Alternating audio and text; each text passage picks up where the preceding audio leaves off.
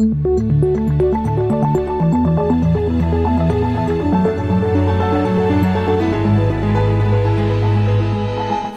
This Morning.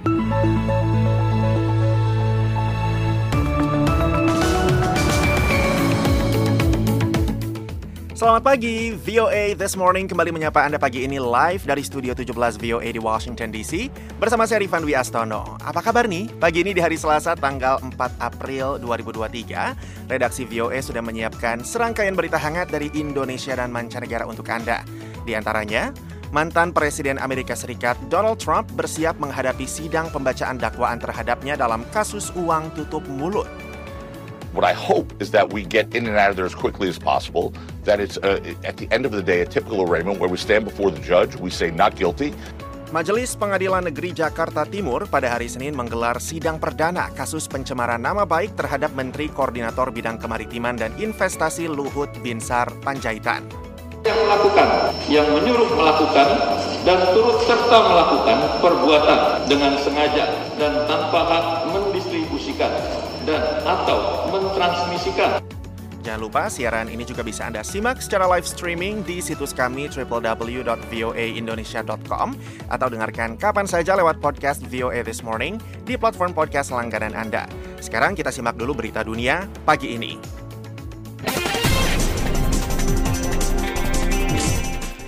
Inilah berita dunia VOA Washington. Mantan men- mantan Presiden Amerika Serikat Donald Trump telah tiba di kota New York pada hari Senin sehari sebelum jadwal sidang pendakwaannya pada hari Selasa 4 April waktu setempat terkait pemberian uang tutup mulut kepada seorang bintang porno sebelum hari pemilu Presiden Amerika tahun 2016 lalu. Keamanan di pusat kota New York Manhattan diperketat. Trump tiba di gedung Trump Tower di New York Senin sore, di mana ia akan menginap sebelum menghadiri persidangan hari Selasa. Trump, mantan Presiden Amerika Serikat pertama yang menghadapi tuntutan pidana, akan disidang, diambil sidik jarinya dan difoto di gedung pengadilan pusat kota Manhattan hari Selasa. Pengacaranya mengatakan ia akan mengajukan pembelaan tidak bersalah. Tuntutan yang tercantum dalam dakwaan Dewan Juri belum diungkap sejauh ini. Sidang dakwaan hari Selasa akan menjadi penampilan pertama Trump di pengadilan dalam kasus tersebut. Trump akan kembali ke Florida dan menyampaikan pidato di kediamannya di Mar-a-Lago Selasa malam. Finlandia akan resmi menjadi anggota NATO yang ke-31 pada hari Selasa, menutup proses singkat pendaftaran keanggotaan aliansi militer tersebut menyusul invasi Rusia ke Ukraina. Finlandia mengajukan permohonan bersama dengan Swedia untuk menjadi anggota NATO setelah serangan Rusia ke Ukraina semakin meningkat. Rintangan terakhir untuk menjadi anggota aliansi itu teratasi pekan lalu ketika parlemen Turki memilih untuk meratifikasi pendaftaran Finlandia meskipun Istanbul menahan permohonan keanggotaan Swedia. Sekretaris Jenderal NATO Jens Stoltenberg mengatakan, we should not leave the impression in the that, that, that Sweden is left alone. No, Sweden is very much inside NATO, uh, integrating into military and civilian structures. Kita tidak boleh meninggalkan kesan seperti yang mereka tunjukkan bahwa Swedia ditinggal sendirian. Tidak, Swedia juga berada di dalam NATO, terintegrasi ke dalam struktur militer dan sipil, kata Stoltenberg.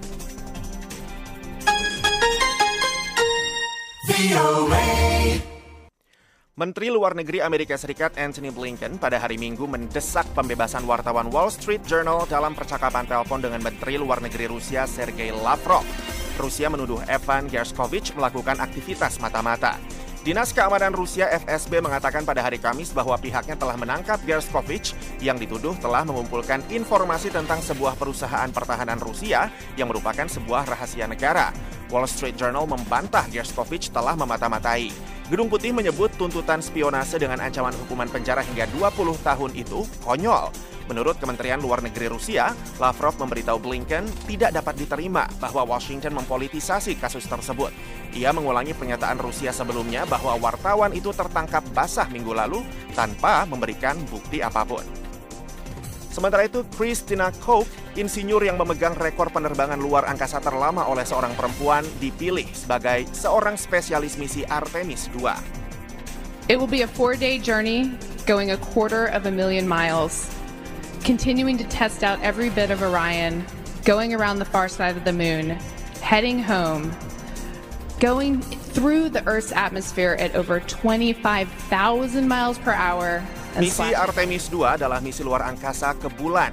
Misi ini akan menjadi perjalanan selama empat hari, menempuh seperempat juta mil, terus menguji setiap bagian Orion, mengitari sisi jauh bulan, pulang, melewati atmosfer bumi dengan kecepatan lebih dari 25.000 mil per jam, dan mendarat di Samudra Pasifik.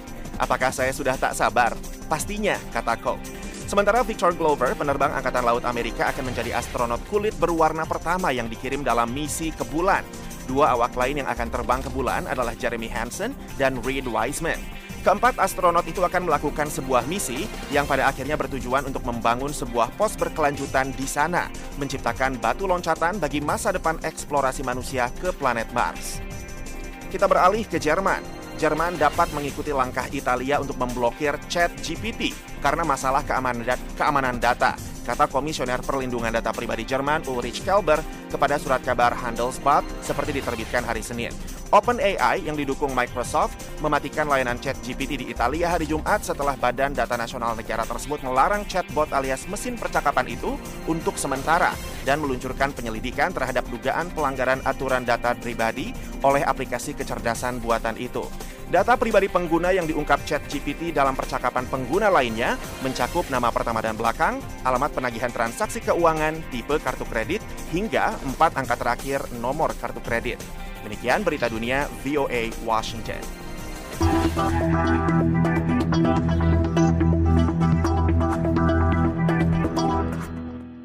VOA This Morning, mantan Presiden Amerika Serikat Donald Trump siap menghadapi pertarungan hukumnya dalam kasus uang tutup mulut. Kata pengacaranya ketika Trump bersiap-siap ke pengadilan pada hari Selasa untuk mendengar pembacaan dakwaan terhadapnya. Wartawan VOA Veronica Balderas Iglesias melaporkan disampaikan Madeyoni.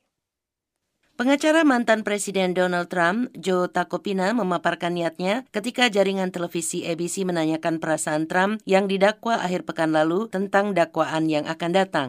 What I hope is that we get in and out of there as quickly as possible, that it's uh, at the end of the day a typical arraignment where we stand before the judge, we say not guilty, saya berharap kami akan masuk dan keluar dari pengadilan secepat mungkin sebagaimana dakwaan biasanya di mana kita berdiri di hadapan hakim menyatakan tidak bersalah. Kami menetapkan jadwal untuk mengajukan mosi dan keberatan atau temuan-temuan dan kami bergerak maju. Dakwaan itu masih disegel, tapi ahli hukum mengatakan tuduhan-tuduhan bisa berpusat pada dugaan pemalsuan catatan bisnis seputar perjanjian penyelesaian dengan bintang film porno Stormy Daniels. Takupina mengatakan kasus hukum itu lemah dan bermotivasi politik tetapi tidak menyampaikan kekhawatiran Trump tentang hakim ketua yang tidak memihak. Do I think the judge is biased? Of course not. How could I subscribe to that when I've had no interactions with the judge that would lead me to believe he's biased. Apakah menurut saya hakim berat sebelah?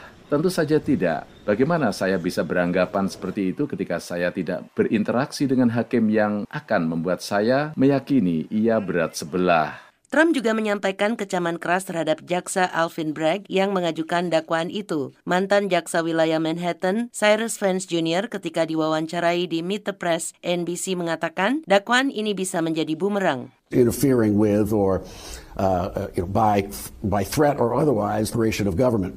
When you add a count like that, put it in front of a jury, can change the jury's mind. Mencampuri dengan atau mengancam atau melakukan hal lain dengan operasi pemerintah, jika ditambah tuduhan seperti itu dipaparkan di depan juri, maka bisa mengubah pendapat juri mengenai bobot kasus yang mereka lihat. Tetapi tidak mungkin seorang hakim memaksa Trump untuk tidak berbicara di depan umum tentang penyelidikan kriminal saat ini dan lainnya yang ia hadapi, kata pengacaranya dalam kasus dokumen rahasia Jim Trusty di jaringan televisi Fox News. News. I think it would be very difficult for a judge to impose a gag order on a person running for president. Saya kira akan sangat sulit bagi seorang hakim untuk memperlakukan perintah bungkam pada seseorang yang mencalonkan diri sebagai presiden. Saya berbicara mengenai orang yang berdampak mendalam pada negara ini. Pengacara Trump mengatakan dinas rahasia selasa akan terlibat sebagai bagian dari pengamanan ketat di dalam dan sekitar gedung pengadilan ketika mantan presiden itu diperkirakan akan diambil sidik jarinya dan difoto sebelum pembacaan dakwaan terhadapnya. Kantor Trump mengatakan ia diperkirakan akan berpidato di kediamannya di Mar-a-Lago selasa malam. Perkembangan ini terjadi saat Trump berkampanye menjelang pemilihan presiden 2024. Saya Madioni dan Leona Triono, VOA.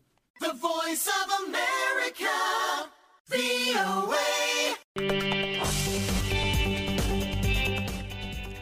Parlemen Malaysia pada hari Senin mengesahkan reformasi hukum yang akan menghapus hukuman mati, memangkas jumlah pelanggaran yang bisa dihukum mati, dan menghapus hukuman penjara seumur hidup. Ini perwujudan tekad yang dicetuskan lima tahun lalu. Selengkapnya bersama Karlina Amkas. Malaysia memiliki moratorium eksekusi sejak 2018. Ketika itu, untuk pertama kali dicetuskan tekad untuk menghapus hukuman mati seluruhnya. Berdasar amandemen yang disahkan Senin, disampaikan alternatif hukuman mati. Itu mencakup hukuman cambuk dan penjara antara 30 dan 40 tahun. Hukuman penjara yang baru akan menggantikan semua ketentuan sebelumnya yang menuntut pelaku dihukum penjara seumur hidup. Dalam konferensi pers di Gedung Parlemen di Kuala Lumpur, Wakil Menteri Undang-Undang dan Reformasi Institusi Malaysia, Ram Karpal Singh, mengatakan, Keputusan kerajaan berkaitan pemansuhan hukuman mati mandatory dilihat sebagai langkah yang tepat dalam usaha kerajaan untuk mewujudkan sistem perundangan yang dinamik, progresif, dan relevan dengan keperluan semasa. Hukuman penjara seumur hidup yang didefinisikan oleh hukum Malaysia sebagai jangka waktu tetap 30 tahun akan dipertahankan. Hukuman mati juga akan dihapus sebagai pilihan untuk sebagian kejahatan serius yang tidak menyebabkan kematian, seperti penggunaan dan perdagangan senjata api dan penculikan menurut peraturan hukum yang baru tersebut. Kembali, Singh. Pemansuhan hukuman mati mandatory bertujuan memastikan keadilan dan kesaksamaan bagi semua pihak termasuk mangsa-mangsa pembunuhan, kes-kes yang melibatkan pengedaran dada serta keluarga mangsa-mangsa kerana hukuman mati masih dikekalkan namun mahkamah mempunyai kebebasan untuk menimbang hukuman yang setimpal berdasarkan fakta dan keadaan kes. Amandemen yang disahkan itu berlaku untuk 34 pelanggaran yang sekarang dapat dihukum mati, mencakup pembunuhan dan perdagangan narkoba. 11 dari 34 pelanggaran disebut sebagai hukuman wajib. Lebih dari 1.300 orang yang menghadapi hukuman mati atau penjara seumur hidup, termasuk mereka yang telah kehabisan semua upaya banding lainnya, bisa meminta hukumannya ditinjau ulang berdasar aturan baru tersebut. Dobi Chu, Koordinator Eksekutif Anti-Death Penalty Asia Network, mengatakan disetujuinya amandemen itu merupakan langkah awal yang baik menuju penghapusan total hukuman mati. I think for most part we are on the right track, we are on a good track for Malaysia. It's a reform that has been long time coming. Sebagian besar kami berada di jalur yang benar untuk Malaysia. Kami berada di jalur yang baik untuk Malaysia. Ini adalah reformasi yang datangnya sudah lama ditunggu-tunggu. Ia menambahkan bahwa Malaysia bukan satu-satunya negara abolisionis di kawasan. Kamboja, kata Chu, tidak memiliki hukuman mati sejak pemerintahan demokratis. Demikian pula Filipina yang tidak memiliki hukuman mati sejak revolusi kekuatan rakyat. Karlina Amkas, VOA, Washington.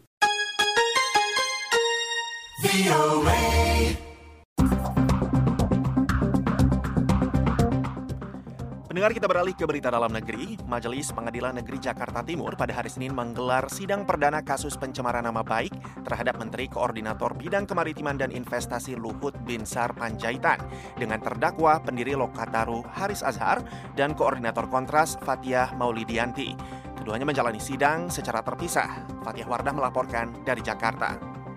Dalam dakwaannya, jaksa penuntut umum mengatakan Haris dan Fatia dianggap melakukan penghinaan atau mencemarkan nama baik Luhut melalui unggahan video YouTube di kanal milik Haris Azhar pada 20 Agustus 2021.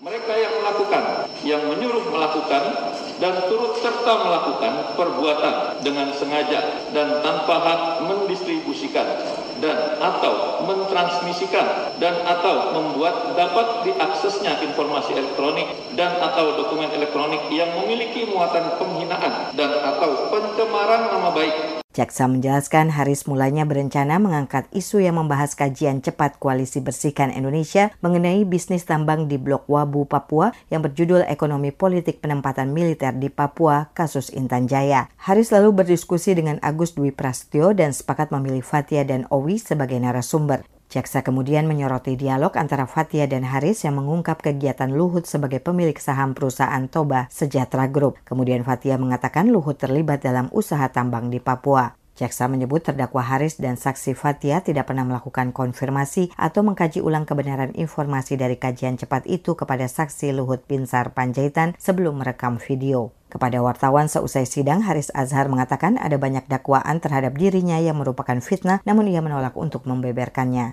Muhammad Isnur, kuasa hukum Haris dan Fatia menilai apa yang didakwakan kepada kliennya tidak benar. Bahwa ucapan bermain itu bukan tindak pidana loh ketika Fatia itu mengucapkan ada pejabat didug bermain dalam pertambangan kan maknanya bukan nuduhan sebagai sebagai penjahat dan lain-lain. Dia kemudian sebuah kritik disertai dengan data penelitian.